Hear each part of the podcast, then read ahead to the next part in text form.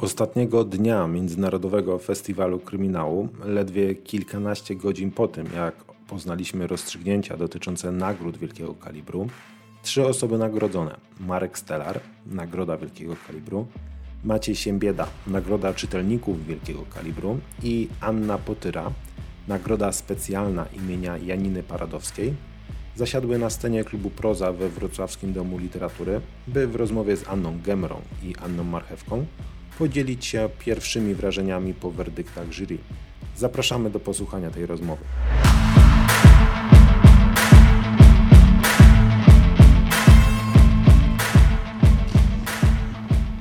Dzień dobry Państwu. Dzień dobry wszystkim zgromadzonym tutaj w prozie i dzień dobry wszystkim zgromadzonym przed ekranami na całym świecie.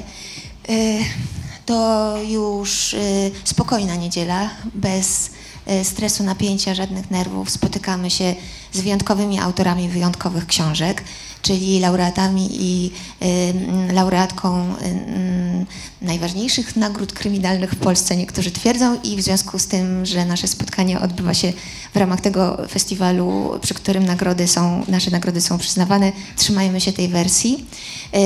Zatem spotykamy się dzisiaj z Markiem Stelarem, laureatem Nagrody Wielkiego Kalibru za książkę Krzywda. Brawa. Po mojej prawej stronie zasiadł Maciej Siembieda, nagrodzony przez czytelników kalibrem w tym roku za książkę Katarzis. Brawa. A najbliżej profesor Anny Gemry siedzi Anna Potyra, laureatka Nagrody Specjalnej imienia Janiny Poradowskiej. Anna Potyra została nagrodzona za książkę Pakt. No i zacznie, bo tak się umówiłyśmy, że, że to ja zaczynam, zacznę od takiego bardzo ogólnego pytania, jak się Państwo dzisiaj czujecie, czy już ten werdykt macie w kościach, poczuliście się wygodnie w tych fotelach osób nagrodzonych, czy to nadal jest jeszcze sprawa bardzo emocjonalna, a może zupełnie nagrody się dla Państwa nie liczą, najważniejsza jest literatura. Może? Ja się czuję bardzo, bardzo zmęczona, ponieważ ten weekend kosztował mnie dużo emocji i przyznam szczerze, że to nie były dla mnie do końca emocje związane z decyzją jury. To były dla mnie głównie emocje związane z kontekstem, w jakim mam wystąpić. Jak już wielokrotnie tu powiedziałam, jestem mamą czwórki dzieci, jestem tak głęboko osadzona w tej roli, że wyjście przed taką publiczność i bycie autorką nagle jest dla mnie dużym stresem ale chciałabym powiedzieć, że jestem bardzo szczęśliwa, że dostałam tę nagrodę i chciałabym się jeszcze odnieść do słów pani doktor Anny Marchewki, która wczoraj tak pięknie chwaliła pakt. Gdybym usłyszała te słowa bez kontekstu, to bym pomyślała, Boże, jaki szczęśliwy ten autor, ja bym nigdy takiej książki nie napisała. Więc jest mi poczwórnie miło, że, że to jest o mojej książce. Cały czas to nie do końca mogę uwierzyć, także bardzo dziękuję. Ale proszę się nie martwić, my jesteśmy grzeczni. Tak bardzo się nie martwię, tylko wciąż nie dowierzam. Który z panów miałby ochotę? Czuję się świetnie, dziękuję bardzo. Trochę niewyspany. Jeszcze chyba do mnie nie, nie dociera do, do, do końca to, co się stało, to, co się wydarzyło. Jestem oczywiście przeszczęśliwy. Chyba już ze 100 razy powiedziałem to od wczoraj, że, że to było największe zaskoczenie mojego życia. E, bardzo się cieszę e, z tej nagrody, z różnych względów oczywiście, e, z wielu. Nie wiem z którego najbardziej. Cieszy mnie, że jeżeli dzięki tej nagrodzie książka zyska większą popularność, to więcej ludzi przeczyta, usłyszy i dowie się o tym pięknym, cudownym miejscu, w którym się jakiś czas temu zakochałem i być może skłoni ich to nawet do, do wycieczki tam i, i do zobaczenia tego miejsca. E, także chciałbym jeszcze raz podziękować za, za, za tą nagrodę, która no, uczyniła mnie, nie wiem czy innym człowiekiem, no szczęśliwszym na pewno. E, jeśli, jeśli mam być szczery, to w moim pisaniu, mam nadzieję przynajmniej, nie zmieni to nic. To znaczy ja dalej się będę starał, będę robił wszystko na 100%, będę chciał dalej opowiadać historię. E, I, I to jest chyba od początku mojej drogi pisarskiej było moim głównym celem po prostu opowiadać historię. Jestem bardzo szczęśliwy. Nie wiem, czy samopoczucie to mm, idzie, idzie z tym w parze, bo to już PESEL. No ale PESEL sprawia też, że do takich emocji się podchodzi z godnością starego dębu. Niemniej, jednak wszyscy mnie wczoraj pocieszali. Nie wiem czemu, chociaż ja jestem szalenie dumny z nagrody czytelników, naprawdę szalenie, ale wszyscy mnie pocieszali. Wiesz, matematycznie to jurorów ile było? Jurorów było pięcioro, a czytelników, wiesz, teraz, no, jurorów było sześcioro, a czytelników tam na pewno więcej niż siedmiu, więc jest ok. Także bardzo się cieszę e, i, i, i, naprawdę szczerze się cieszę z, z, tego, że Marek dostał tę pierwszą nagrodę, bo y, niezwykle go cenię za, za skromność, za to, że jest y, bardzo dobrym autorem, ale też za to, że E, jakby nadaje na tej samej częstotliwości, to znaczy mm, pisze dla przyjemności, tak jak ja i uwielbia opowiadać. Także dajcie mu jeszcze raz brawa, takie porządne.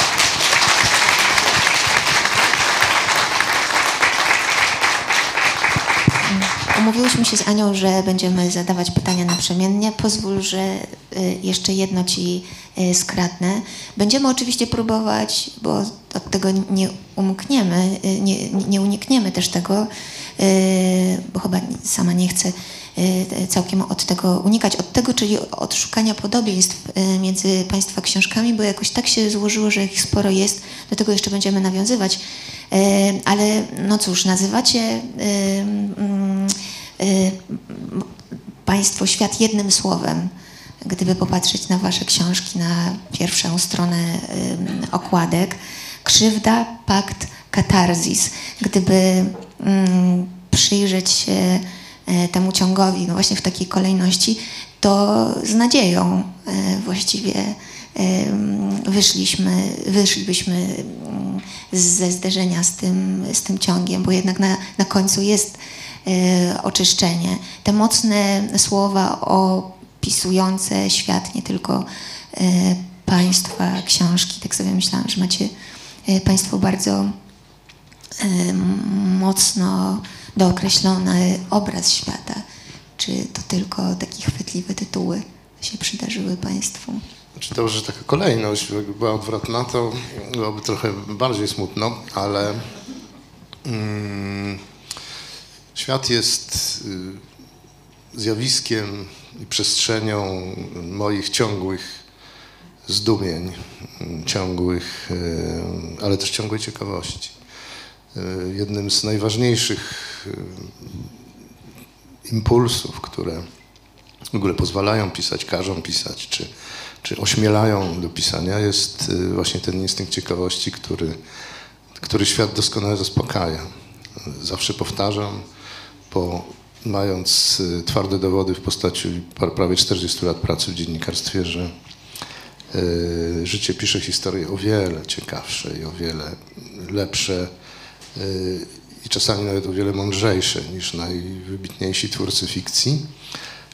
No a świat jest jakby sceną tego, gdzie to się wszystko dzieje. I dlatego raczej w kosmos nie będę się przenosił, bo raz to zrobiłem w czwórkach w epilogu i do dziś nie mogą, czytelnicy nie mogą tego wybaczyć. Więc karmimy się światem tu i teraz.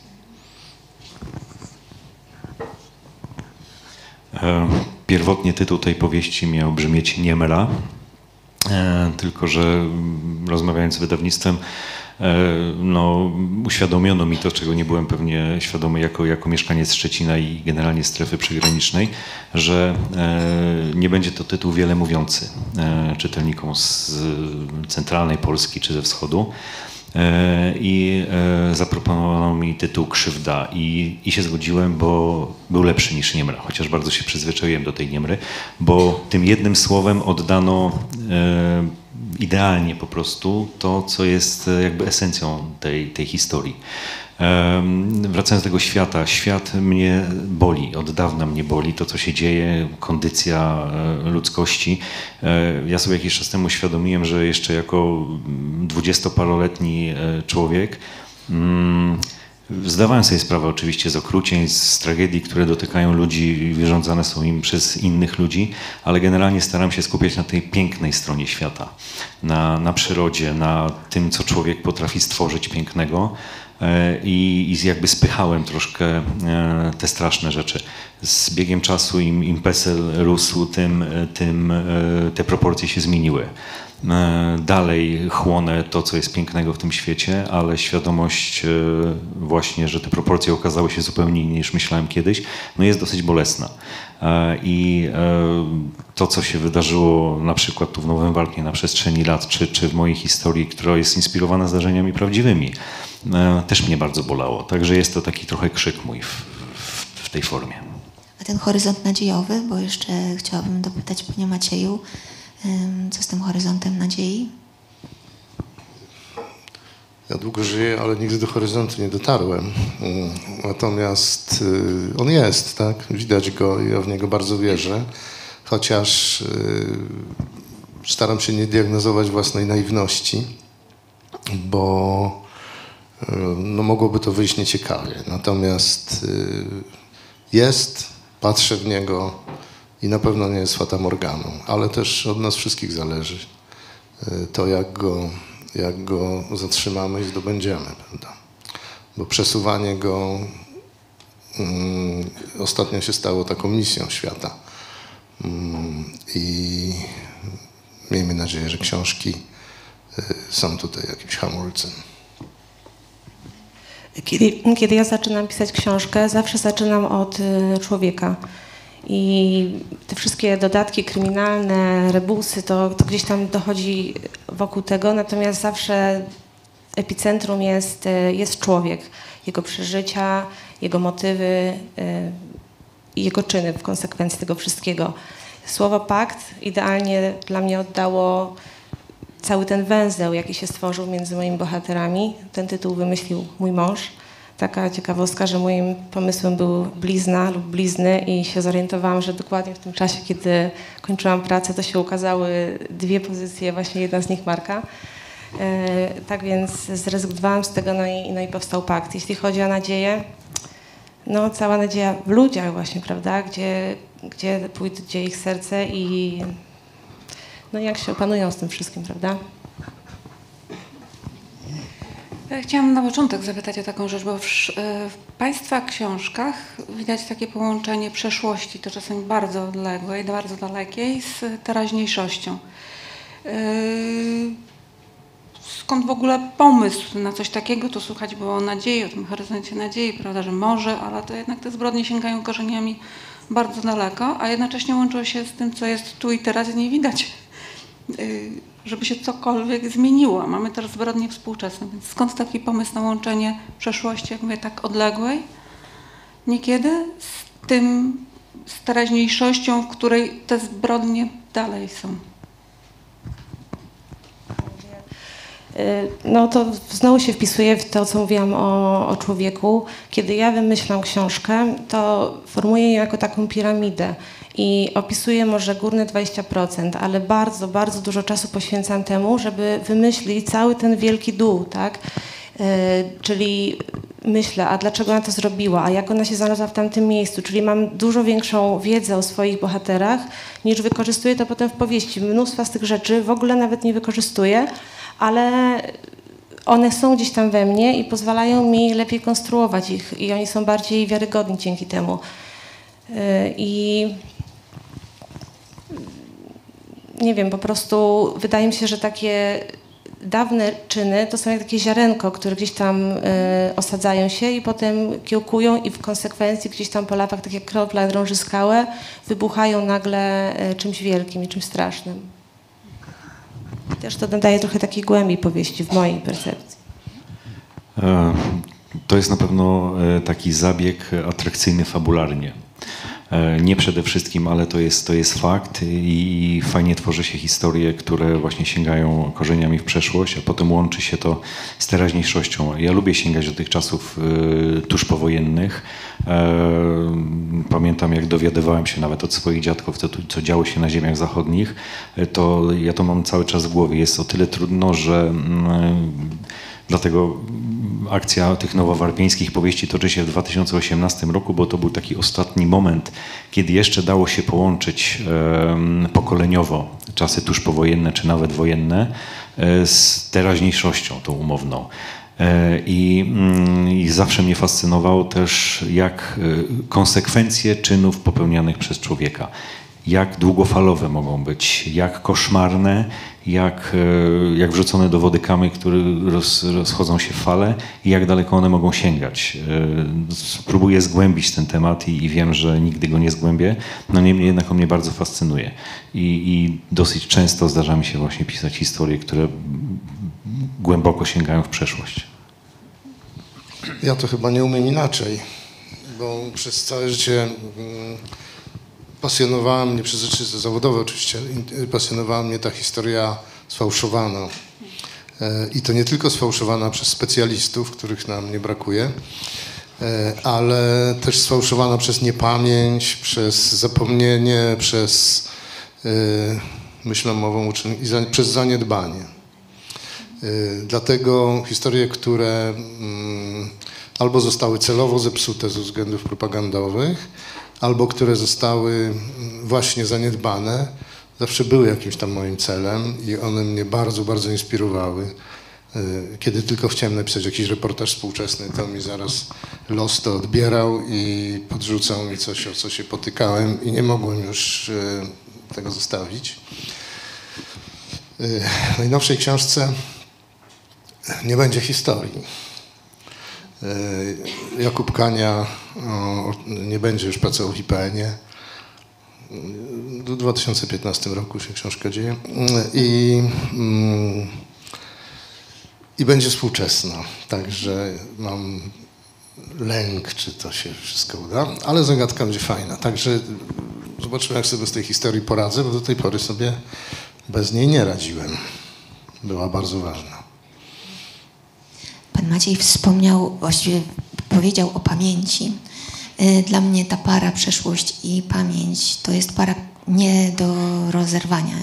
Nie da się rozdzielić y, pamięci od, y, od przeszłości. I wydaje mi się, że Państwo pracujecie każdy na swój sposób nad pamięcią i w związku z tym tak sobie myślę, że Państwa książki pokazują, może to najbardziej widać w katarzis, bardziej może to widać jeszcze w, w, w katarzis i, i w krzywdzie, trochę inaczej to wygląda w pakcie, e, że literatura mierzy się z tą powinnością, użyję tego dużego słowa, powinnością, jaką jest dawanie świadectwa, czy uzupełnianie tych luk, białych plan, naprostowywania jakiejś e, e, zafałszowanej czy zakrzywionej powieści. O tę powinność, czy Państwo ją czujecie, ta praca nad pamięcią, pamięcią zbiorową, y, która wytwarzana jest również y, w, w tej przestrzeni literackiej przez pisarzy, przez pisarki. Gdy też myślałam o tym horyzoncie nadziejowym, rzecz jasna pomyślałam o książce, o takim słynnym eseju Rebeki Solnit, y, która pisała o nadziei, nadziei w mroku, że właśnie praca pisarska polega na, na, na myśle y, nad tym, jak, w jaki sposób wyobrażamy sobie świat i to, w jaki sposób go opisujemy, może jakoś wpłynąć na naszą, no nie wiem, życiową y, postawę, to jak opowiadamy przeszłość, to jak pracujemy z pamięcią, która również manifestuje się w opowieściach, wydaje mi się nie do przecenienia w naszym życiu społecznym. Literatura w związku z tym, ta fikcjonalna literatura zyskuje jakiś dodatkowy ciężar oprócz tego estetycznego. Chciałabym zapytać, jak Państwo z tymi powinnościami, tym ciężarem się mierzycie. Wydaje mi się, że, że całkiem poważnie traktujecie te obowiązki. Czy pytania od Pani idą w tę stronę, tak? Możemy w ten sposób. Tak. Dobrze. Ja bym dodał jeszcze jedno P do tej przeszłości i pamięci, a mianowicie prawdę bo ona mnie kręci najbardziej i jest największym wyzwaniem i staram się podejść do niej jak najbliżej, odtworzyć się, spróbować ją odszukać, odkurzyć, odwzorować, odcyfrować. E, no i potem spopularyzować, ale nie ma w tym, proszę mi wierzyć, żadnych takich ambicji odkrywcy, e, tylko raczej chyba sługi Y, prawdy, bo, bo całe życie jej służyłem w dziennikarstwie. I, i wtedy, kiedy mm, uda się ją przywołać, pokazać, jaką była, napraw- jaką była na w rzeczywistości, bez, bez przymiotników, bo przymiotniki są komentarzami. Więc y, mm, to wtedy chyba jestem naj, naj, najszczęśliwszy, jeśli, jeśli się uda coś takiego zrobić. Parę razy się udało. Parę razy się udało znaleźć historie mm, tak nieprawdopodobnie przekłamane, że, że wierzyć się nie chciało. Także ja w te, to, to P jest dla mnie równie ważne jak tamte dwa. Oczywiście od razu chciałabym zapytać o warsztat, jak się pracuje z takimi przekłamanymi, nieprawdziwymi e, historiami. Nie mamy tyle czasu. No właśnie. Mm, Tak, pamięć oczywiście jest bardzo istotna w, w tym, co piszę. To znaczy, ja mam świadomość, e, czasem bolesną, że no, funkcjonuję w nurcie literatury popularnej. E, aczkolwiek robię wszystko, żeby e, plasować się w, w, tej, w tej górnej półce, tej, tej umownej popularności. E, nie wiem, czy czuję brzemię jakby odpowiedzialności, ale na pewno świadomość tą, że faktycznie opowiadając historię, dając ją, nie wiem, tysiącom ludzi, e, powinienem opowiedzieć ją w, w sposób e, prawdziwy. E, Zazdroszczę Maćkowi tego reporterskiego pazura, który mają dziennikarze, tej zdolności do, do takiego pojmowania świata i pewnych rzeczy w, w specyficzny sposób, którego ja pewnie nigdy nie będę miał. Mam świadomość, że mm, to, co tworzę, jest fikcją opartą na, na, na prawdziwych zdarzeniach, ale jednak fikcją. Zastanawiałem się kilkukrotnie, czy, czy mógłbym napisać e, coś opartego naprawdę o prawdziwe zdarzenia, ale już w pełni, czy jakąś taką reporterską książkę. E, I nie wiem, czy dałbym radę. Nie wiem, czy e, mówimy poruszamy się w sferze powiedzmy kryminału, czyli dotyczyłoby to pewnie jakichś zabójstw, jakichś zbrodni. Musiałbym wchodzić, e, mam wrażenie, z, e, z, z butami w tragedię ludzką. Mm, Miałem okazję w pierwszej części tej nowoeuropejskiej opowieści w Skrusze. e, Ona jest też oparta o prawdziwe zdarzenia, między innymi o tragedię, kiedy na Zalewie Szczecińskim utonęło pięciu wychowanków specjalnego ośrodka szkolno-wychowawczego, którzy uciekli ze szkoły. E, Ogromna tragedia. E, Odpowiedzialnością obarczono wychowawców e, i pedagog szkolną. Miałem okazję rozmawiać z tymi ludźmi. Miałem po 20 e, latach ponad. Oni wciąż zgodzili się ze mną rozmawiać i po raz pierwszy poczułem wtedy to, co Maciek musi czuć, musiał czuć pracując jako, jako dziennikarz. Czułem się, jakbym trochę mm, no, nie wykorzystywał ich nieszczęście dla swoich celów, ale też nie brudny. Trochę niestosownie. Czułem się, jakbym trochę niestosownie postępował. Oni się zgodzili po- porozmawiać ze mną. Oczywiście powiedzieli mi wszystko. Widziałem, że to wciąż w nich siedzi. E, Ostatecznie oczyszczono ich z tych zarzutów, ale swoje przeszli oczywiście. I czułem tą, tą właśnie, może nie presję, ale, ale świadomość, że muszę, tworząc tą fikcję opartą na tej, na tej prawdzie i ich pamięci, muszę, e, muszę zrobić to naprawdę dobrze, żeby ich nie skrzywdzić i poniekąd nie skrzywdzić czytelników, e, pokazując im e, fikcję, którą oni będą uważali za częściową prawdę. Ta granica jest bardzo płynna. E, Także tłumaczę zawsze to tym, że podkreślam, że to są historie, to są opowieści fikcyjne, oparte na, na faktach. Pani Anno, ja tylko jeszcze zaznaczę, że gdy wspominam o tej różnicy, to miałam na myśli różnicę w czasie, y, bo rzecz jasna tutaj obaj autorzy sięgają kilkadziesiąt lat y, wstecz, albo jeszcze prawie cały wiek, bo historia przemytu, szmuglu y, sacharyny to przecież jest prawie 100 lat temu. A pani pracuje na tej pamięci, wydawać by się mogło na wyciągnięcie ręki. Wydawać by się mogło, że każdy może ten gest wykonać. Większość z nas tego gestu nie wykonuje i ta y, historia najnowsza, czyli nie wiem, sprzed 10-7 lat jest często jeszcze mniej y, dostępna, mm, mniej wyraz, y, wyraźna od tej, nie wiem, sprzed 30 i chciałabym dopytać, doprecyzować i, i dopytać o, o te ewentualne różnice związane z perspektywą czasową. Ja nie sięgam w swoich powieściach po jakieś egzotyczne wydarzenia historyczne, niszowe, o których mało y, osób wie. W Pchle y, dużo odnosiłam się do powstania warszawskiego. Każdy wie dużo na temat y, powstania warszawskiego. Y, w Pakcie y, była wojna w Donbasie. Y, teraz w Kacie, który się ukazał dwa tygodnie temu, pochylam się nad akowcami katowanymi przez UB w śledztwach y, powojennych. Y, Więc to są takie dość znane zagadnienia powszechnie, ale jakby moim może nawet nie zabiegiem świadomym, ale takim sposobem, w jaki ja widzę świat i funkcjonuję, jest takie trochę przepisywanie statystyk na e, mikrokosmos jednego człowieka i to jakoś innymi kanałami wtedy wchodzi. Tak trochę tłumaczy to wszystko przez swoją wrażliwość. E, I mam w ogóle taką głęboko zakorzenioną w sobie mocno ugruntowaną świadomość o tym, jak dużo jest krzywdy na świecie, takiej krzywdy, na którą nie ma mocnych, że y, ludzie stają się, są pyłkiem zmiecionym przez historię, nie mają kompletnie wpływu na co się z nimi dzieje. Y, Mówię to jako osoba, która żyje w jeszcze wolnym kraju, w, w miarę bogatym kraju, europejskim, więc czuję się ogromnie uprzywilejowana tym, gdzie się urodziłam, a kiedy się spojrzy na naprawdę miliony ludzi, y, które no nie, nie są tak uprzywilejowane, to ciągle jakby od, odnawiam w sobie tę świadomość, że naprawdę trzeba docenić to, co mamy i pochylić się nad tym, co inni przechodzą teraz. Y, Naprawdę cierpienie ma tyle oblicz. I Nie mówię o osobistych tragediach, które mogą się przytrafić losowo, ale o takich masowych y, dramatach, jak chociażby to, co się teraz dzieje w Ukrainie. Y, i, I stąd właśnie to się tak, tak wraca i pojawia ciągle i ciągle w moich książkach. A ja trochę, no niekoniecznie zboczę z tematu, bo tutaj to padło, padało też wczoraj, literatura popularna.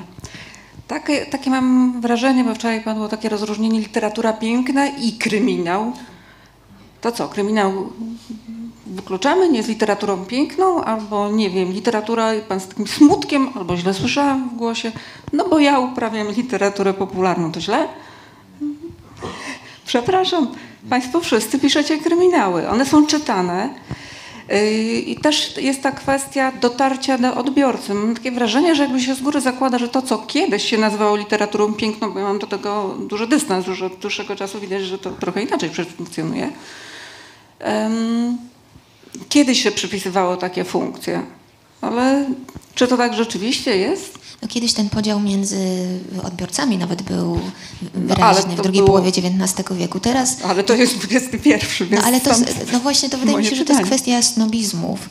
No tego, że chyba lubimy e, Ale my rozmawiamy, lepiej przepraszam, rozmawiamy tutaj. Ten snobizm padł ze sceny wczoraj. Literatura piękna, a dzisiaj pada literatura popularna Nie. i kryminał. Powiem literaturę popularną, to co? To źle? Literatura piękna z trupem. No. Literatura piękna jest, bo to są piękne, dobre książki, prawda? O tym mówię. Nie, ja nie widzę nic złego w tym stwierdzeniu. Znaczy na pewno wiem, na co Markowi, co Markowi mm, siedziało w głowie, bo szukamy, y, czy raczej nam szukają różnych y, tutaj suplementów w postaci, czy protez w postaci tam literatury gatunkowej i tak dalej, i tak dalej. Y, Na pewno to, co piszemy, ma nadrzędną funkcję rozrywki. To znaczy i takiego szerszego dotarcia, bo gdyby y, y, bohaterka krzywdy, y, gdyby autor zdecydował się napisać o niej poemat, to nie sądzę, żeby miał, miał takie dotarcie jak, y, jak dzięki tym książkom. Ja też się czasami zastanawiam, czy, czy to, co piszę, jest kryminałem, ale tak jak wczoraj powiedziałem, jest to budowane na tym formacie, no i stoi na tej półce. E, To jest bardzo trudne do zdefiniowania. Arturo Perez Reverte, który pisze e, książki sensacyjne, nikt się nie ośmieli w Empiku postawić go na półce. Kryminał, sensacja, thriller. Czego i nam życzę. Tak, no w zasadzie no, Tłumacz. Ma, Ma, Maciek, no właśnie powiedziałeś to, to, co, to, co miałem na myśli. E, znaczy, no, cie, to jest bardzo faktycznie trudne do zdefiniowania. No, ja y, nie czuję się, ja jestem opowiadaczem historii. Ja oczywiście Źle? mam... Słucham? Dobra historia jest w cenie, to chyba E, dobrze. tak. e, mm, Też myślę, że to, że to nie jest zła książka, aczkolwiek nie jestem ob- obiektywny w stosunku do samego siebie. Natomiast e, no, to było bardzo ogólne to, co powiedziałem oczywiście. To jest, e, można by dyskutować na ten temat e, długo. Ja się nie wstydzę tego absolutnie. Nie uważam, mam swoich mistrzów literatury gatunkowej, że tak powiem, którzy, nie wiem, jak John Le Carre, który powieść sensacyjną de facto wzniósł na wyżyny literackie. E, To są najpiękniejsze historie, jakie znam. Ale ja tu znów słyszę, literatura sensacyjna na wyżynach literackich. To co, to nie jest literatura To tak kryminał? jest, jest. Znaczy no, trochę, no nie wiem, używam kolokwializmów, nie wiem jak to nazwać. E, Podkreślam, nie wstydzę się, jest to literatura. E, Może to jest e, to, o czym Maciek przed chwilą powiedział, o tych, o tych półkach e, w Empikach. Jest to pokłosie tego, że e, z racji tego, w jakim świecie obecnie żyjemy, ta kategoryzacja w jakiś sposób pomaga to wszystko ogarnąć, ze względu na mnogość tego wszystkiego. Dzisiaj nie ma stricte powieści gatunkowej. Gatunki się mieszają, te granice są płynne. E, I, I trzeba to przyjąć do wiadomości, bo można się kopać z koniem, ale po co? Taki jest świat, więc e, już e, nie będę używał faktycznie takiego sformułowania. Kajam Ale się. ja nie cenzuruję. Kajam się. Znaczy, da- dało mi to oczywiście trochę do myślenia. Po pierwsze, uważać na słowa, bardziej przemyśleć, co to się mówi, ale nie, już całkiem poważnie. Y, Nie czuję się absolutnie jako autor y, nurtu popularnego w literaturze gorszy od y, na przykład Szczepana Twardocha, nie wiem, Łukasza Robitowskiego, czy Jakuba Żulczyka, czy Małeckiego.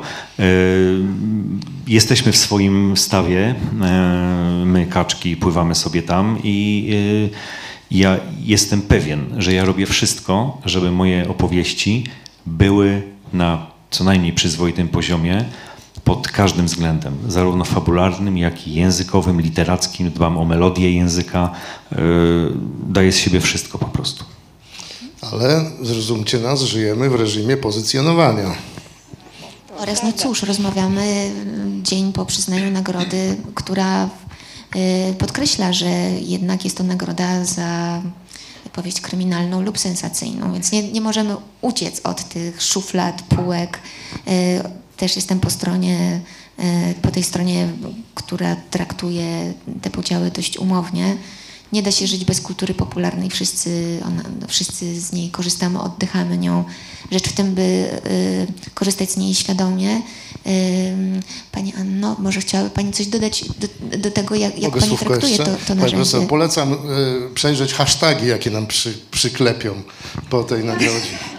Nie, to, to, te rzeczy są mi znane, ale byłam ciekawa właśnie, jak Państwo do tego podchodzicie, no bo de facto, przepraszam, zaraz oddam Pani głos, de facto, no, jak się mówi o literaturze tak zwanej wysokiej XIX wieku, tak jak wspomniałaś, tak mam w pamięci przede wszystkim ballady. I ja bym chciała retellingu balladyny na przykład. No dlaczego nie? Prozie. Ja tylko tak krótko dodam, że naprawdę uważam, że nie mamy się czego wstydzić yy, i nie mam pamięci do nazwisk, więc yy, nie przytoczę Państwu, kto jest autorem tych słów, ale gdzieś yy, w swoich odmętach czytelniczych trafiłam na taki cytat, że yy, dobry kryminał to powinna być taka książka, którą czytelnik z wielką przyjemnością jakby mm, konsumuje, że tak powiem. I nawet gdyby ktoś mu odebrał ostatni rozdział, to i tak cieszyłby się, że przeczytał tę książkę. I y, chyba to jest coś, co, co siedzi w mojej głowie i, i, i jakby mówię, nie, nie, nie jest wisienką na torcie to y, rozwiązanie rebusu, tylko to, co może jakiś tam okruszek w czytelniku zostanie, y, jakiejś refleksji czy, czy jakiegoś wrażenia, cień, tak, na dłużej, a nie tylko przeleci. Y, być zawodowym gawędziarzem, zawodową gawędziarą, czyli kimś takim, kto potrafi y, przytrzymać przy sobie osobę czytającą do ostatniej strony, to umiejętność, być może dar, a może jedno i drugie, zapewne. Umiejętność, gdy mówię umiejętność, to rzecz jasna myślę o latach pracy, budowaniu warsztatu i świadomości. Po co ja właściwie to robię, y, gdy używam tego konkretnego narzędzia? No właśnie tego narzędzia popularnego, już tutaj Państwo na to zwracaliście y, uwagę, y, że poemat trafi do niewielkiej grupy odbiorców.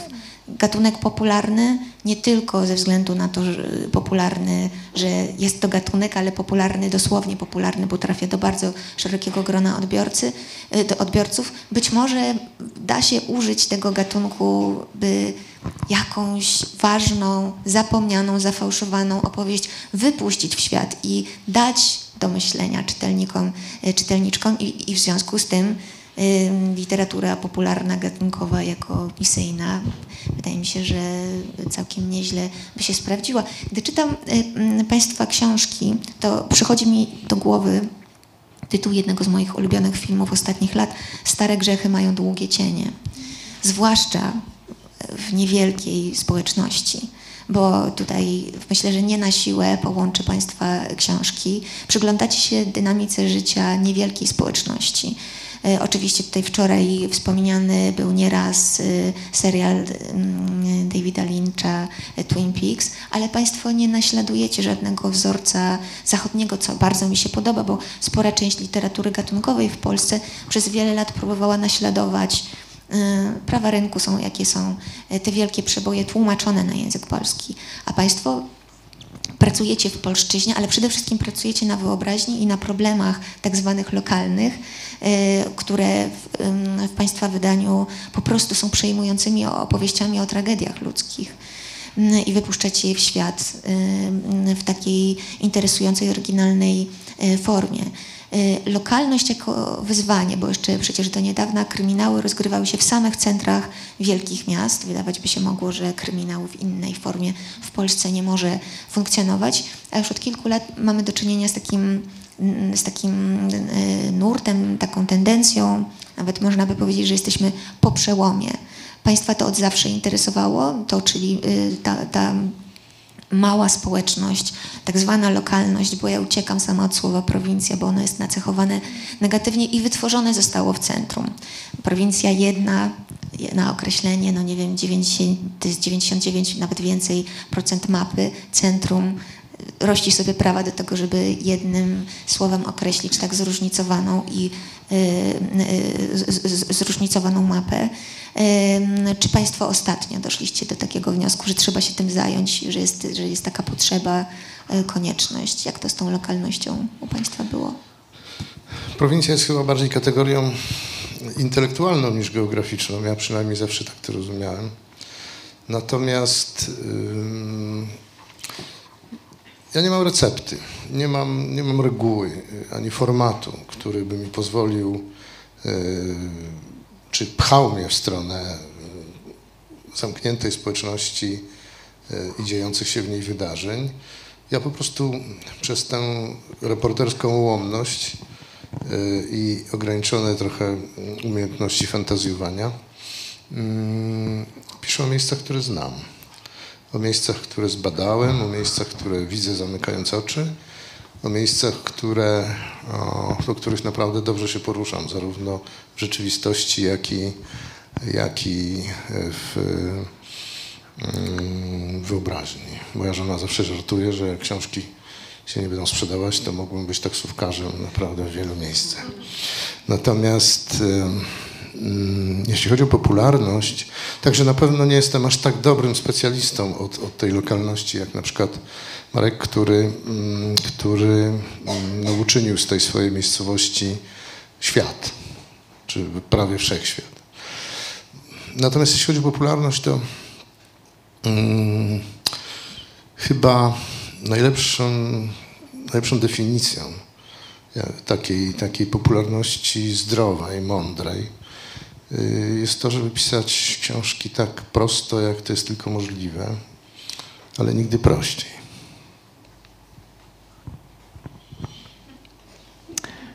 Bardzo ładne to było.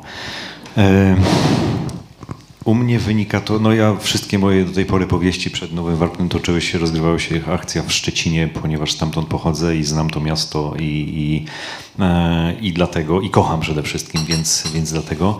W Nowym Warpnie, tak jak mówiłem wczoraj, zakochałem się i postanowiłem, że napiszę historię, która się tam rozgrywa, tylko wydaje mi się, że to nie ma znaczenia tak naprawdę, czy to jest mała lokalna społeczność, czy to jest yy, gdzieś w wielkim mieście, bo tak naprawdę chodzi tylko o skalę, ale co do zasady te wszystkie emocje, tragedie, relacje międzyludzkie są w każdym miejscu tak samo. W małych lokalnych społecznościach głośniej jest o tym, bo, bo to wszystko kisi się tam we własnym sosie.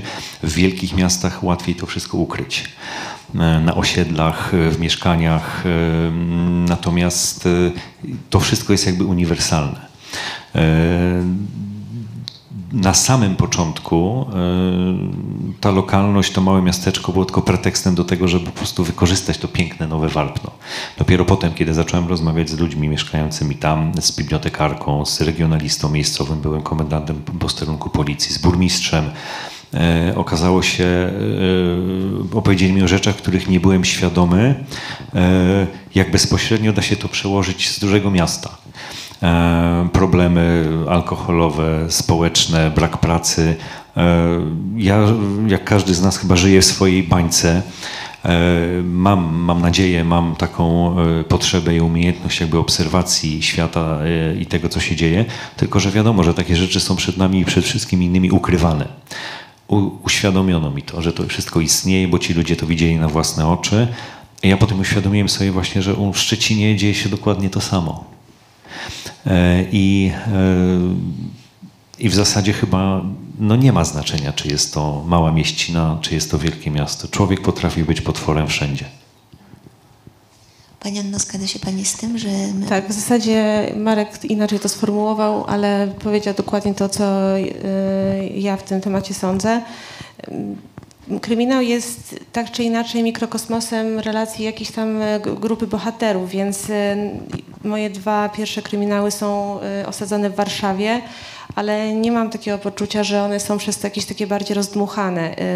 Dla mnie ta mała społeczność w pakcie i prowincja to jest tak naprawdę bardziej kameralna scenografia, taka może troszeczkę większa duszność, bo, bo jakby skala jest troszkę mniejsza, ale te wszystkie dramaty i dynamika y, krzywdy, to mogłabym to równie dobrze osadzić w dużym mieście, bo, bo to byłoby przez lupę y, wyciągnięte z tego wielkiego świata i postawione na dłoni przed czytelnikiem. A ja chciałam zapytać o taką kategorię czy figurę obcego, innego, bo on się pojawia we, we wszystkich Państwa powieściach jak się pisze o obcości w kontekście tych małych społeczności, czy też w kontekście no, trochę większych w przypadku katarzis, prawda, ale to jest zawsze obcy, a w kilku wypadkach to jest swój obcy jeszcze dodatkowo. Ania. E, obcy jest e, takim katalizatorem e, ciągu zdarzeń. Przychodzi jako świeża krew i sieje ferment w jakimś tam ustalonym ładzie i porządku i to jest chyba jego główna funkcja, że po, pokołysze, pokołysze i zobaczy, co, co tam wybije z dołu.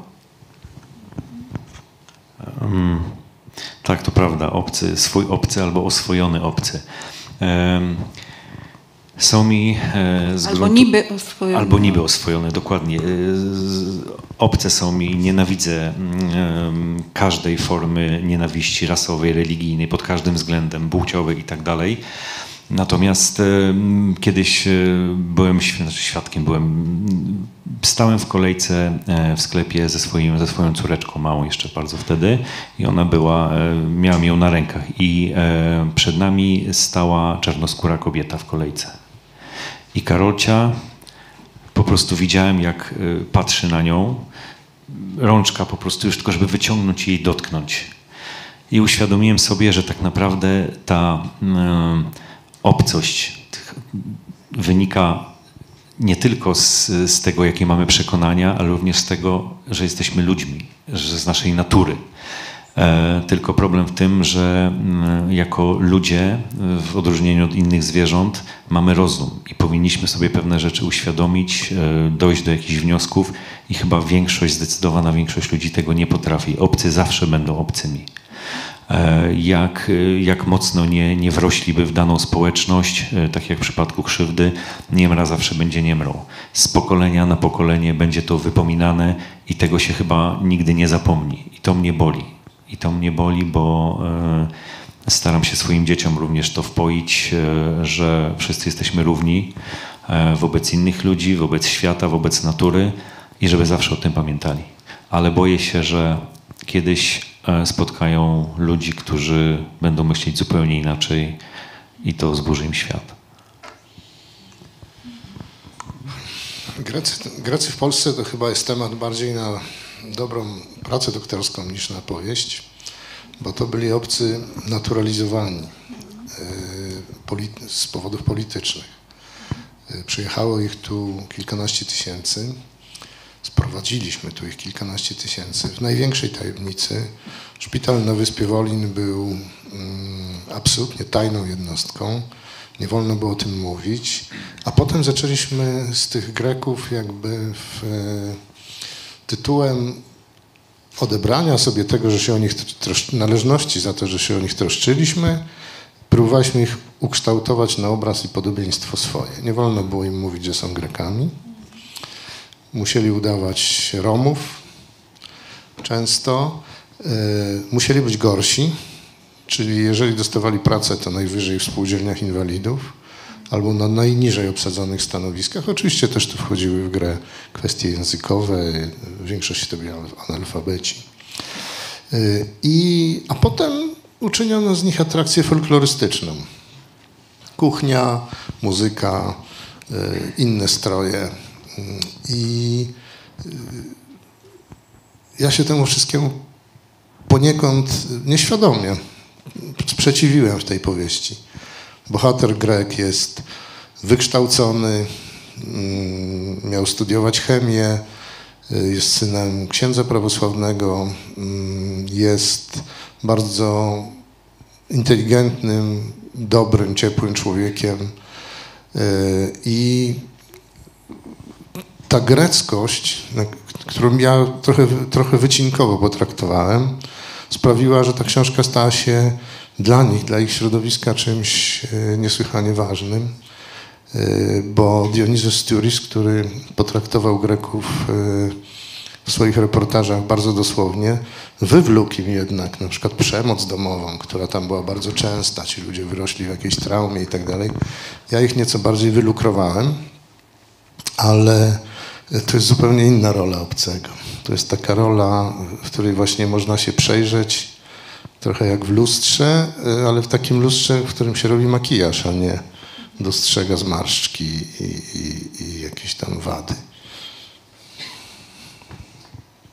Można też y, o Pana mm, powieści powiedzieć, że to taka grecka tragedia, bo rzeczywiście Fatum wbija w człowieka bezlitosne oczy i nie odpuszcza do samego. Ale właściwie w Państwa wszystkich książkach, może nie wszystkich tych, które tutaj mamy, yy, Fatum yy, występuje w roli y, ważnej bohaterki.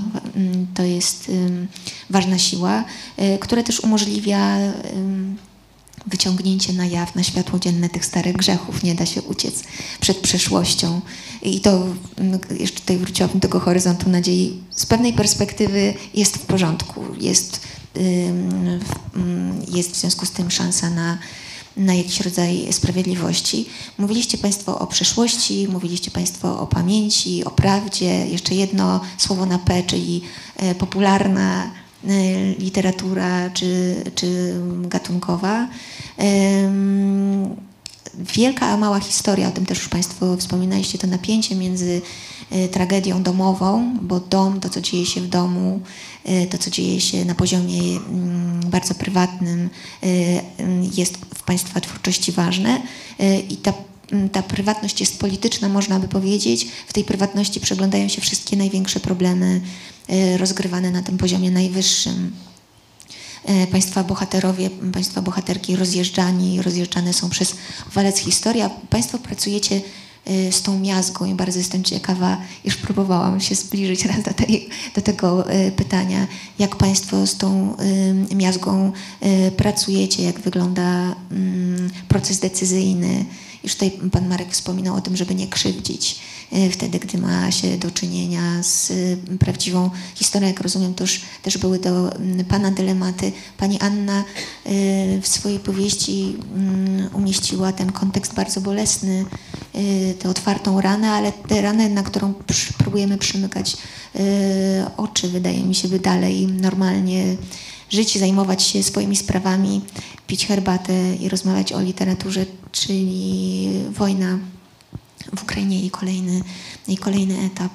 Em, Zatem jak Państwo sobie z tą miazgą, jaką materiałem pracy radzicie, y, jak proporcje zachowujecie? I czy ta moja diagnoza jest słuszna, czy to napięcie między historią przez małe H, a historią przez duże H, czyli tym prywatnym, tym co prywatne, a tym co polityczne jest dla Państwa tym, ym, y, tą ważną siłą. Dla mnie ta mała historia jest ważniejsza od tej dużej, bo najwięcej prawdy historycznej kryje się w przeżyciach ludzi, w doświadczeniach ludzi. E, Dzisiaj w najnowszej książce, której, która jest kontynuatorką poniekąd, y, Nemezis, bohaterem jest y, człowiek, który był w armii niemieckiej. I wyobraźcie sobie Państwo, że mm, to, co w reportażu nazywa się smaczkami, tymi takimi najważniejszymi momentami, takimi najatrakcyjniejszymi, to w nich jest, to są jak kawałki bursztynu, w których są zamrożone, czy zatopione mm, takie kawałki prawdy. I ja o bitwie pod Monte Cassino, tak jak każdy z Was, wiem tyle. Tak? Natomiast przy okazji zbierania materiału do tej najnowszej książki, dowiedziałem się czegoś, co mnie y, no, spowodowało dreszcze. Mianowicie mm, dziadek w Wehrmachcie jest dzisiaj kategorią polityczną, a jeden z bohaterów, który mi, jeden z moich konsultantów, czy, czy takich dostawców wiadomości, który walczył pod Monte Cassino, z nim rozmawiałem dawno temu, 20 lat temu, ale on powiedział, wie pan, w moim plutonie zginęło najmniej ludzi, bo mieliśmy tych, co zdezerterowali z Wehrmachtu i oni nas uratowali. Ja mówię, ale jak was uratowali? Wie pan co, ten, co był ze mną, taki Ślązak, to on obsługiwał karabin maszynowy. I on znał odgłosy tego karabinu. I jak następowało jakieś tam kliknięcie, to on mówił, teraz, mamy trzy sekundy, bo zmieniają taśmę. A zdobywanie Monte Cassino polegało na przeskakiwaniu z kamienia pod kamień. I dzięki temu, że on wykorzystywał te przerwy i znał niemieckie komendy, oni potrafili ocalić życie, zdobyć klasztor i generalnie to oni wypracowali wielką historię zamkniętą w tych małych rzeczach. Także ona jest dla mnie ważniejsza, naprawdę. Yy, bardziej wymowna, a na pewno prawdziwsza. Tak, mogę? Jest w środku, tak. E, Dla mnie chyba też ważniejsze są małe historie. To znaczy, ja często się zastanawiam, czy duża historia jest po prostu zbiorem, ogromnym zbiorem małych historii, czy małe historie są odpryskami wielkiej historii. E, Te relacje są no, nierozerwalne i chyba to, to chyba działa w e, obie strony. Ja zawsze wolę się skupiać na tych właśnie malutkich historiach. Cząstkach, drobnych cząstkach wielkiej historii, nierozerwalnie z nią związanych. E, analizowałem to w jakiś sposób e, na, na, na swój, przez swój pryzmat oczywiście, nawet tej bańki, w której żyję, bo wydaje mi się, że no, pewnych rzeczy nie jesteśmy w stanie zrozumieć, jeśli ich nie przeżyjemy. Em, Wczoraj, w, kiedy ogłoszona została decyzja e, o przyznaniu krzywdzie nagrody wielkiego kalibru, uświadomiłem sobie jedną rzecz. E, Kilka razy zdarzyło mi się pisać w swoich powieściach, e, że ktoś przeżył takie zaskoczenie. Drobiazgowo staram się to analizować. Zaskoczenie, co się wtedy myśli, że albo jest się pustka w głowie, albo nie wiem, zauważa się nagle rzeczy zupełnie nieistotne, które mózg rejestruje, jakby broniąc się przed tym szokiem. I uświadomiłem sobie, że po raz pierwszy czuję coś takiego na własnej skórze. Czyli research zrobiłeś. Tak. Tak, dokładnie. Dziękuję jury za okazję znakomitą do researchu.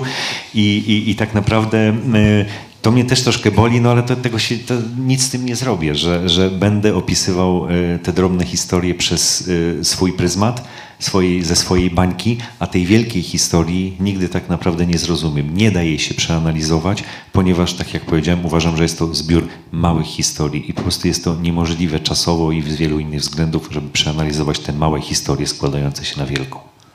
I plus perspektywa, osobiste spojrzenie każdego z badaczy. Dla mnie zdecydowanie mała historia jest większa niż duża historia.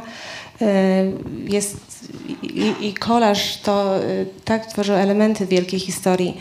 E, Teraz w, odniesieniu do tego, co pan Maciej powiedział, właśnie w Kacie, w tej najnowszej książce, pochyliłam się nad, tak jak mówiłam wcześniej, nad, nad tymi biednymi jakowcami katowanymi przez, przez UB. E, I też bardzo miałam taki duży, dużo skupienia w to włożyłam, żeby tego nie przegadać, żeby nie zrobić z tego lekcji historii, tylko żeby postarać się trochę wejść w ich skórę i, i poczuć to, co, przez co oni przechodzili. W kontekście y, tego, o czym tu mowa, chciałam zapytać o to, ym, czy stosujecie Państwo, użyję słowa, którego właściwie nie wiem, czy powinnam używać czegoś w rodzaju to- autocenzury, czy są też takie rzeczy, o których byście Państwo w kontekście tych małych historii, bo to są krzywdy no często takie rodzinne i bardzo dramatyczne rzeczy, ale też w kontekście trochę większej historii, o której y, Pan Maciej pisał, prawda, y, której tu widzę, byłam zachwycona tą nagrodą czytelników i tym, że jest zainteresowanie, że, że, y, że to jest właśnie to, co ja widzę w literaturze popularnej, ta rola, którą się odgrywa, y, ta, ta rola, którą ona może odegrać, uczyć, pokazać pewne rzeczy i to także i to bardzo dobrze gra, prawda? Natomiast tu chciałabym zapytać, czy Państwo macie taki jakby we- wewnętrzny opór przed opisywaniem niektórych rzeczy, przed tym, no chociażby w przypadku Niemry, tak? To, y, bo to są małe społeczności i oczywiście historia jest fikcyjna, ale samo miasteczko jako takie to jest konkretna nazwa, prawda? No różnie y, czytelnicy reagują, tak, no, może i historia jest fikcyjna, ale to jest moje miasteczko, prawda? Ale chodzi mi o Państwa reakcję. Tak, ja zawsze staram się użyć minimalną ilość słów, żeby oddać jakąś myśl, czy żeby zostawić w czytelniku e, pewne wrażenie. Bardzo pilnuję tego, żeby nie przegadać sprawy. E, I także mówię, staram się krótko i tak, żeby no, nikogo nie urazić. Tak więc. Tak ja nie rozumiem, bo, bo też, też, też często no, to powoduje, znaczy autocenzura. No, są rzeczy, których oczywiście nigdy nie napiszę. E, mówię o, o zbytniej dosłowności, bo, bo kryminał ma różne odmiany e, i jest mi to jakby obce i, i tego na pewno e, nie napiszę. Rozdzielam sobie troszkę, tą, tu odnosząc się do właśnie do, konkretnie do krzywdy, gdzie mamy konkretną miejscowość, konkretnych ludzi często. Jeżeli są przedstawieni w dobrym świetle, to nie ma przeszkód i oni też nie widzą przeszkód, żeby umieścić ich wręcz personalnie, osobiście tutaj w tej książce. Natomiast jeżeli mm, mówimy o jakichś złych postaciach czy złych, złych sprawach, no to albo zwykle tworzę fikcyjnych bohaterów, albo pożyczam sobie ewidentnie złych. Tak jak z SS-manem, który mieszkał i gestapowcem, który mieszkał w jednej z willi w Nowym Warpnie. E, Jeżeli coś złego, odnosząc się do Szczecina, jeżeli też topografia ma, ma dosyć spore znaczenie w tych moich historiach, wykorzystuję e, re- realne miejsca i adresy nawet. Natomiast jeżeli coś się stało złego, to na przykład do konkretnego adresu dodaję literkę A. Yy, I sprawa jest czysta. Nikt mi nie zarzuci, że, że, że w czyimś domu yy, zlokalizowałem no, zbrodnię, tak? Yy, Taki sposób mój to jest. Tak, ja cenzuruję, autocenzuruję. To znaczy, mm, bardziej to wynika chyba z taktu niż z ostrożności. E, I raz mi się zdarzyła taka przygoda, że w jednej z książek, w której w prawdziwej miejscowości, mówię o kukłach i, o odkryciu w krypcie kościoła w Tworkowie, który u mnie się nazywa mm, zupełnie inaczej, nazywa się Kamieniem Odrzańskim. Y, Ja po prostu nie chciałem sensacji wywoływać y, i, nie chciałem, żeby tam się nagle pojawili jacyś y, na przykład czytelnicy bardzo lubią jeździć śladami tych moich książek. Nie chciałem, żeby tam nikogo niepokojono. Mają tę swoją zagadkę i tę swoją tajemnicę. Proszę bardzo, po co im tam nagle, y, zwłaszcza, że oni nie chcą tego wykorzystywać marketingowo. Y, I nagle dostałem list protestacyjny od mieszkańców Tworkowa z wielkimi pretensjami, dlaczego nie ujawniłem nazwy prawdziwej miejscowości.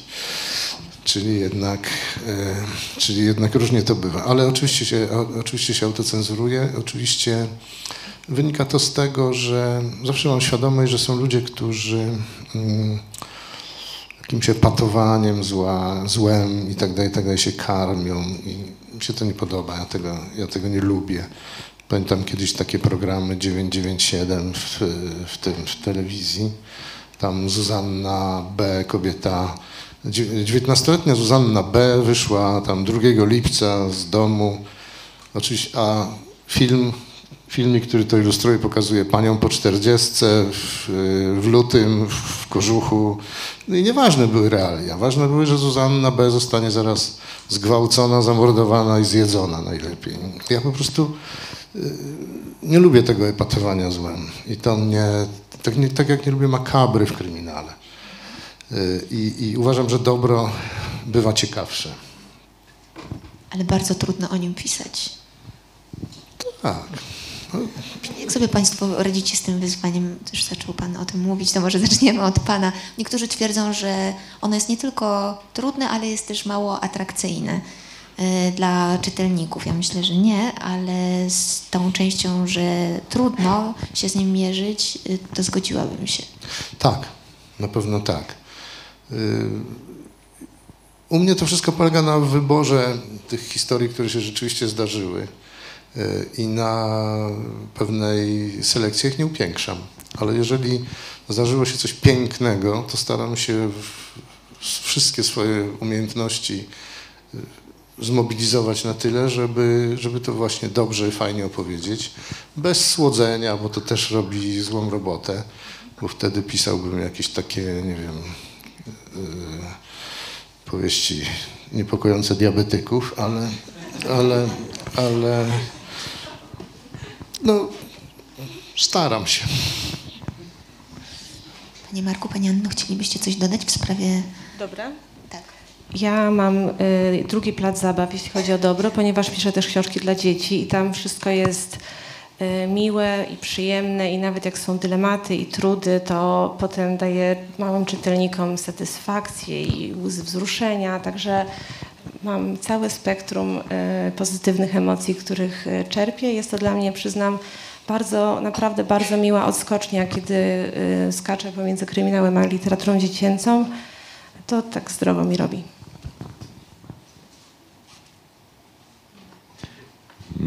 Właśnie uświadomiłaś mi coś, bo teraz też napisałem książkę dla dzieci, kryminał mm, dla dzieci. Przepraszam. Zapomniał pan? Y, znaczy, no myślę tak, my byłem myślami przy krzywdzie, szczerze mówiąc. Y, gdzieś tam ta jedna wiewiórka uciekła. Y, I Lubię pisać o, do, o dobru. Nie, zło jest oczywiście bardziej faktycznie atrakcyjne do opisywania. Natomiast miałem taki trochę dysonans pisząc historię dla dzieci, bo zdawałem sobie sprawę, że e, będąc w tym wieku, no, trzeba się skupić właśnie na tych dobrych rzeczach, ale czułem taką odpowiedzialność też, bo Chciałem dzieciom uświadomić, no jest to o psie policyjnym, o policjancie, więc wiadomo, że no nie ma trupa, ale jest, są już jest, jest, są przestępstwa. Ci dzieciaki zaczynają zauważać, że, że na świecie dzieją się też złe rzeczy, chociaż podejrzewam, że w dzisiejszej dobie internetu wiedzą to szybciej niż my kiedyś. E, więc czułem taką trochę presję, że powinienem e, właśnie nie przesłodzić, e, nie, mm, co prawda to miało być powyżej 11 lat, nie? To, to nie przesłodzić, pokazać im, że to zło istnieje, że są źli ludzie, którzy wyrządzają krzywdę innym ludziom, ale równocześnie podkreślałem to, że są też dobrzy ludzie, że jednoznacznie, żeby wynikało z tej historii, po której stronie należy stać i z czym walczyć. Zerkam na zegarek. Zostało nam 10 minut do końca spotkania, Więc zapraszam Państwa do e, zadawania pytań. Y, Dziękuję, skorzystam z podanego już mikrofonu. Y, Chciałbym nawiązać do tych najważniejszych rzeczowników, które dziś pojawiły się. Pamięć, przeszłość, prawda. Wydaje mi się, że warto jednak podkreślić jeszcze czwarte słowo, które no, nie wybrzmiało, czy też może pojawiło się bardziej w, w pewnym tle, czyli słowo interpretacja. Y, Skąd można powiedzieć, Państwo wiedzą, że źródła, z których Państwo korzystają, opowieści, których Państwo wysłuchali, rzeczywiście mm, dotyczą wydarzeń takich, jakie rzeczywiście się rozegrały. Y, Jak dalece źródła, jak dalece relacje są skażone pewnym subiektywizmem i żeby podać pewne czytelne przykłady, co dokładnie mam na myśli, jak właśnie, jak różne mogą być interpretacje. Wyobraźmy sobie, że gdyby Państwo zdecydowali się osadzić którąś ze swoich powieści w realiach Drezna w lutym 1945 roku, to czy Państwo osadzą przykładowych swoich bohaterów w realiach miasta, w których odbywa się ludobójstwo, gdzie giną ludzie pod bombami zapalającymi, zrzucanymi przez aliantów, czy też państwo opiszą sytuacje, w których nie, właśnie nie pojawia się termin w ogóle ludobójstwo, tylko mamy przykład z bohaterskimi rajdami Bomber Command, prawda? To są jednak dwie zupełnie inne rzeczywistości, chociaż cały czas mamy to płonące Drezno, ginących ludzi i tak dalej, i tak. Czy podobna sytuacja Wielkanocny nalot we Wrocławiu w roku 1945, czy burza ogniowa na Ostrowie Tumskim. To właśnie był przykład ludobójstwa, czy też właśnie bohaterska armia sowiecka zdobywa Wrocław, wyzwala od Niemców, jak mówiło się jeszcze w latach PRL-u i tak. I wydaje mi się, że to jest właśnie też bardzo istotne, chociażby w kontekście tego, o czym wspomniał pan Marek Stelar, że Niemra zawsze zostanie Niemrą z pokolenia na pokolenie. Wydaje mi się, że właśnie doświadczenie polskie świadczy o czymś przeciwnym i pozwolę sobie na taki głos polemiczny, jeżeli mogę, że właśnie wydaje mi się po pierwsze bardzo wielu Polaków, szczególnie załóżmy z obszaru Małopolski, gdzie była wiadomo bardzo silna kolonizacja niemiecka już od średniowiecza, na pewno ma te niemieckie korzenie. Współcześnie na przykład wielu mieszkańców Krakowa to są potomkowie dawnych austriackich osadników, urzędników i tak dalej. Sam znam tego typu ludzi, którzy, których przodkowie przybyli z Austrii, dzisiaj są no, zwykłymi Polakami, jeżeli można użyć takiego terminu. Czy chociażby weźmy nasz lokalny przykład, właśnie kwestia lokalności, o której przed chwilą mówiliśmy, rodzina Hochbergów. Hochbergowie z Książa i z Pszczyny, którzy z jednej strony są Niemcami, ale z drugiej strony są potomkami, potomkami Piastów, a jako potomkowie Piastów również w tej chwili mają tożsamość i polską, i niemiecką, bywają w Polsce, bywają w Wałbrzychu, na Śląsku i tak dalej. To są ich strony rodzinne, czy chociażby sam przykład księżnej Daisy, która zmarła w roku 1943 jako obywatelka polska, prawda? mimo że okoliczności temu jak najbardziej nie sprzyjały. Czyli wydaje mi się, że to są sprawy jednak znacznie bardziej skomplikowane i dlatego ta kategoria interp- interpretacji moim zdaniem jest tak ważna, że warto się nad nią jeszcze może na koniec no, zastanowić się nad nią.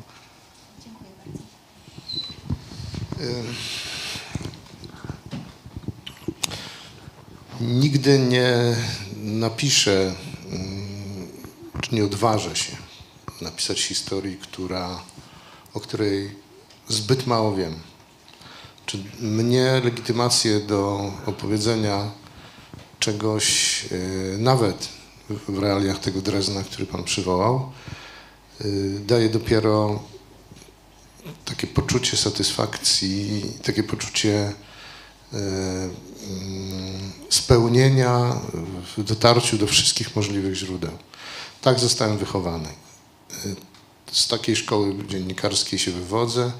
Często to powtarzam na spotkaniach. Ono ma motto, jak ci własna matka powie, kocham cię, sprawdź to. E, Często korzystam z archiwum, nie, nie wierzę w internet. Bardzo lubię mm, rozmowy z ludźmi albo ich wspomnienia. W Gambicie jest jasło z 1945 roku, którego nie ma. Chory psychopata, który postanowił zamienić jasło w małe Monachium. Jak tylko usłyszał na wschodzie dźwięk dział y, rosyjskich, to zrównali to miasto z ziemią. Nie zostało nic. I kiedyś na spotkaniu, podczas spotkania zapytano mnie, jak często pan był w Jaśle. Nigdy nie byłem. Bo się nie dało być w Jaśle. Nie byłem, a wizyta w Jaśle współczesnym nie jest mi do niczego potrzebna. Wręcz odwrotnie. E, ale przeczytałem kilkadziesiąt wspomnień mieszkańców Jasła, którzy ocalili to miasto w swoich sercach i głowach.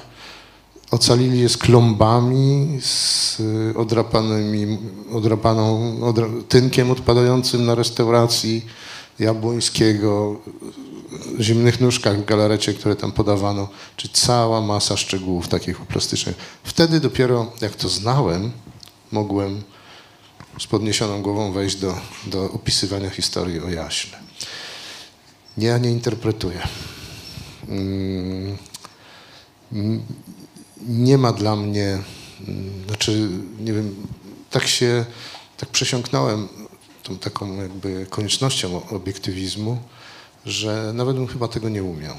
Oczywiście w beletrystyce wolno wszystko, ale dla mnie fikcja może jest, jest, jest przyprawą prawdy, ale na pewno nie, jej nie zastępuje.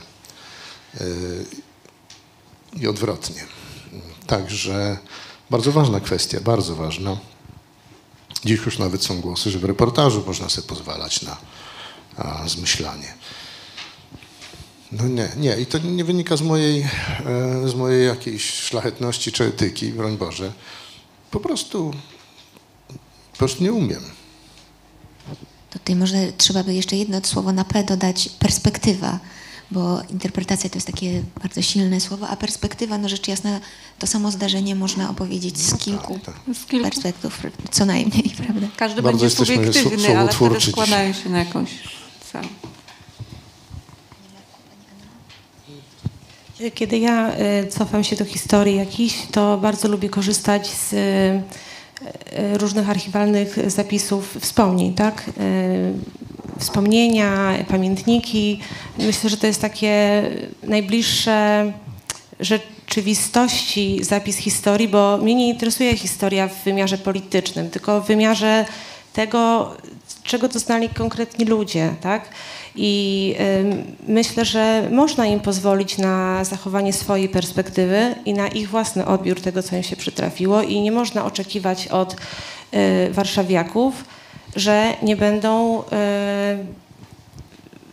na przykład, nie wiem, no nie lubić Niemców, załóżmy, tak? Więc no, należy im na to pozwolić. Ja to mówię jako córka Niemca, moja mama jest Polką, mój tata jest Niemcem, więc też jestem y, uwięziona gdzieś między tymi. No, naturalnie teraz to już jest y, stara sprawa, więc to już tak nie, nie grzeje, ale no, te 50 czy 70 lat temu myślę, że tym ludziom należało się prawo do wyrażenia swojego sprzeciwu i swojego żalu i, i pokazania swojej wersji historii, nieobiektywnej.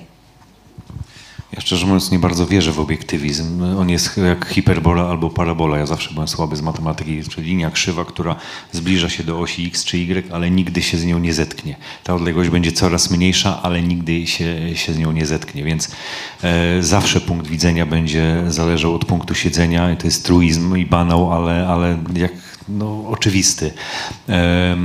Więc perspektywa naprawdę ma znaczenie. Zwykle też staram się jakby patrzeć na, na daną historię oczami e, różnych stron, e, które uczestniczyły w, w, danej, w danej akcji, dajmy na to. E, coś takiego, osiem części prawdy. A jeśli chodzi o tą tożsamość, bo kwestia no, jest mi o tyle bliska, że, że żyję w rejonie, w którym, w którym te relacje polsko-niemieckie powiedzmy są wciąż, e, wciąż to funkcjonuje, to jest pogranicze, tak? Polacy są ludnością napływową oczywiście. E, zostało trochę Niemców po wojnie e, w Szczecinie, którzy zostali no powiedzmy spolonizowani Pamiętam swój szok jako dzieciaka, kiedy mój kolega z klasy powiedział, że jego, jego e, babcia jest Niemką i widzę sobie staruszkę, która tam drepcze sobie o niego w mieszkaniu i to jest Niemka, która tu się urodziła. Pamiętam spojrzenie mojej babci, kiedy do, w latach 90. wczesnych do mojego ojca przyjechał klient z Niemiec e, i przedstawiliśmy go babci i, i pamiętam jej spojrzenie. A co, do, a co do tożsamości, pan ostatnio miałem okazję na potrzebę y, książki, którą teraz piszę, zgłębiać, może to jest za dużo powiedziane. Y, Sięgam do czasów y, powstania w getcie y, warszawskim i, i troszkę szperam w kwestiach żydowskich. I sprawa, jedno z najważniejszych pytań, czy judaizmu, czy generalnie kwestia, kto jest Żydem. E, Trzeba mieć matkę ortodoksyjną, Żydówkę, wtedy jest się Żydem, można być obywatelem Izraela, nie będąc Żydem i nigdy się tym Żydem de facto nie staniemy, ale najbardziej mi się podobała opcja. Jeżeli czujesz się Żydem, jesteś Żydem. Jeżeli czujesz się Polakiem, jesteś Polakiem. Jeżeli czujesz się Niemcem, jesteś Niemcem. A jeżeli ktoś ma rodziców na przykład różnej narodowości, znaczy nie jestem w stanie tego zgłębić, bo nie jestem w takiej sytuacji. Nie wiem, jak ty to czułaś, ale czy bardziej Niemką, czy bardziej Polką, czy nie miało to dla ciebie znaczenia w pewnym momencie, czy po prostu mm, ktoś kiedyś znałem kogoś, kto, kto powiedział o siebie, że, że jest takim kundlem narodowościowym, tak? bo jego rodzice byli różnych narodowości. No nie było to fajne, on to powiedział o sobie, co prawda, i miał pełne prawo, e, ale mi się to nie podobało. E, Trzeba być w zgodzie z samym sobą. Trzeba na pewno zgłębić siebie i, i dojść do tego. Tak myślę. Wygląda na to, że to są ostatnie słowa dzisiejszego spotkania, wypowiedziane przez mikrofon, bo jest już 16 po y, drugiej. Umówiliśmy się, że kończymy o tej porze. Na pewno tę część z mikrofonami y, autorzy i autorka, a na pewno jeden autor i autorka Ten są... autor już siedzi na szpilku. Właśnie, bo musi gnać dalej. polu muszę być. E, Na pewno tych dwoje jest do dyspozycji Państwa przez jeszcze kilka minut, e, a tymczasem dziękujemy za spotkanie, dziękujemy Dziękuję za rozmowę bardzo. i jeszcze raz gratulujemy. Dziękujemy.